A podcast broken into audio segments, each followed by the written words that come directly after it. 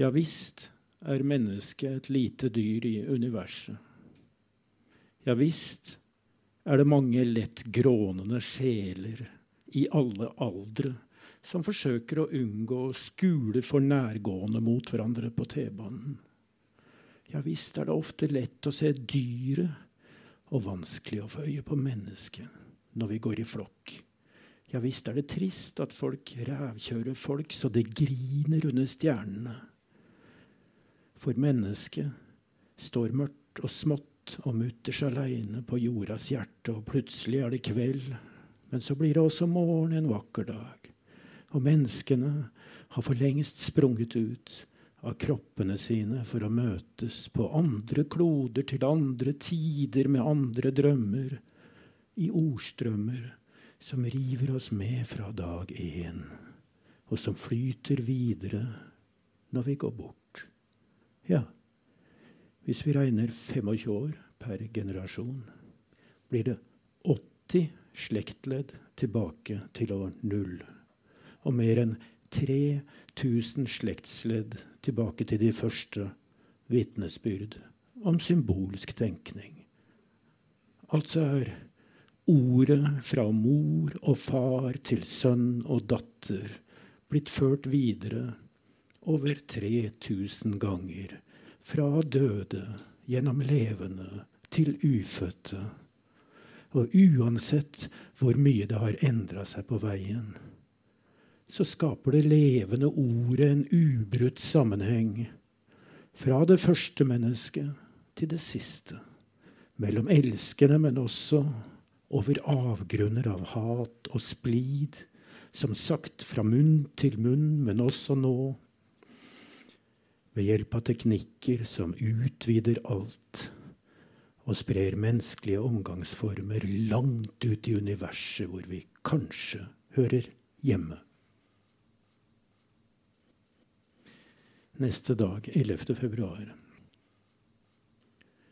Det kan være tilfeldig hvilke ord vi elskende hvisker til hverandre i mørket. På hvilket språk. Men uansett hvilke ord vi velger, så har disse ordene svimlende dype røtter. Vi vet ikke fra hvem, vi vet ikke hvordan.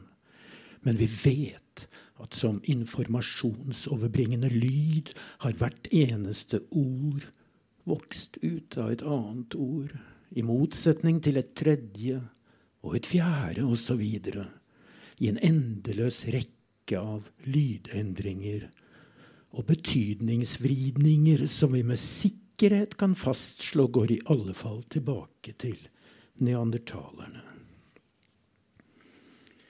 Samme dag. Hvordan de satt rundt bålet og fantaserte. Hvordan de fant opp guder og demoner hvordan det var fornuftig å fantasere på denne måten. Hvordan de villeste fantasier ga mening. Hvordan de kunne fjerne frykten for det ukjente. Hvordan de bandt flokken sammen om dette utrolige. Hvordan det etter hvert ga dem en identitet. Hvordan dette kunne misbrukes. Hvordan noen kunne ta makta over andre hvordan guder og demoner ble til en forbannelse. Hvordan forbannelsen piska folket lydige. Hvordan dette var nødvendig for statsdannelsen. Hvordan vold og velstand økte hånd i hånd. Hvordan vi skal frigjøre velstanden fra volden. Hvordan vi rir dette tospannet gjennom historien. Det var 11. februar. 12. februar så ble jeg litt forstyrra i mine filosoferinger rundt dette her, fordi jeg leste et intervju med den østerrikske forfatteren Peter Handke. Dette var før Ibsen-prisen, som ble offentliggjort 20.3 samme år. Så da skrev jeg en sånn prosastubb om det. Jeg skal ikke lese den her nå, for jeg tror de fleste egentlig veit hvor jeg står i den saken.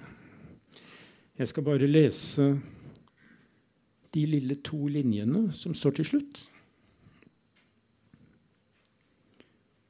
Faenskapen lyser opp som ild. Den virkelige skjønnheten er mild. Og et polemisk rim. 13. februar. Homo ergaster betyr det arbeidende mennesket. Arbeideren blant våre forfedremødre døde ut for rundt halvannen million år sia. Det er 60 000 generasjoner mellom oss. Behersket ilden og lagde de første håndøksene. Siden holdt folk på med disse håndøksene nesten uforandra i en million år. Hvorfor det? Vanskelig å si. De var nok mer vakre enn brukbare. Folk brukte bare sin estetiske sans. Sånn er det med mange ting og teknikker. Det begynner som ren kunst og ender opp som nyttegjenstander. Keramikk, f.eks. Det gikk mange tusen år før noen forsto at brent leire kan brukes til noe annet enn skulpturer. De fleste av oss er stadig vekk arbeidsfolk. Det er ikke profittmotivet som bringer menneskeheten framover. Det er vår estetiske sans. 14. februar. En liten haiku først. Fra det våte klatrestativet skiter kråka hvitt i sandkassa. Og så en, et lite dikt. Opprydningsaksjon. Mildvær smelta isen. Kommunen tredde svarte søppelsekker over skiltene med 'isen er usikker', og knøt dem tett rundt halsen. Vinden blåser opp sekkene til runde, dødsdømte hoder. Samme dag. Du snakker som tynt snøfall over stiene, som ørsmå løvhjerter i vinden, som saftig grønn mose på solvarm granitt, som frøene inni en valmue, disse morgendagens høyreiste, som regnet i en regndråpe, som gule måkeføtter på ru svaberg som skogstjerner under tunge grantrær. Som et regnbuedryssende lysregn fra mørke skyer. Som lyngsølv i et vell av måneskinn. Som spranget i et rådyrsprett. Som blomstrende snøsøte rett under skarekanten. Som sildrende morild i dryppet fra årene, ja som du snakker. Filosofer i fleng har forsøkt å løse gåten hvordan få et lykkelig liv. Her er svaret. La tenna fare. Bli kjerring. Vær gammel.